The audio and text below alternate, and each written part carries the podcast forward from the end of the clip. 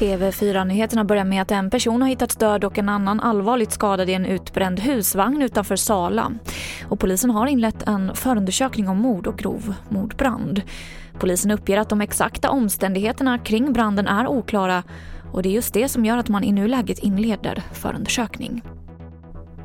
Så till USA där orkanen Henri närmar sig nordostkusten och beräknas nå Long Island i New York idag. Nödläge har utlysts i området och meteorologer varnar för kraftiga stormar och översvämningar. Och vi avslutar med att de fyra amerikanska veteranbilar som tagits i beslag i Göteborg blir en fråga på högsta politiska nivå. Att klassa bilarna som miljöfarligt avfall, som Länsstyrelsen har gjort, är galet menar moderata riksdagspolitiker som nu ställer ansvariga ministrar till svar.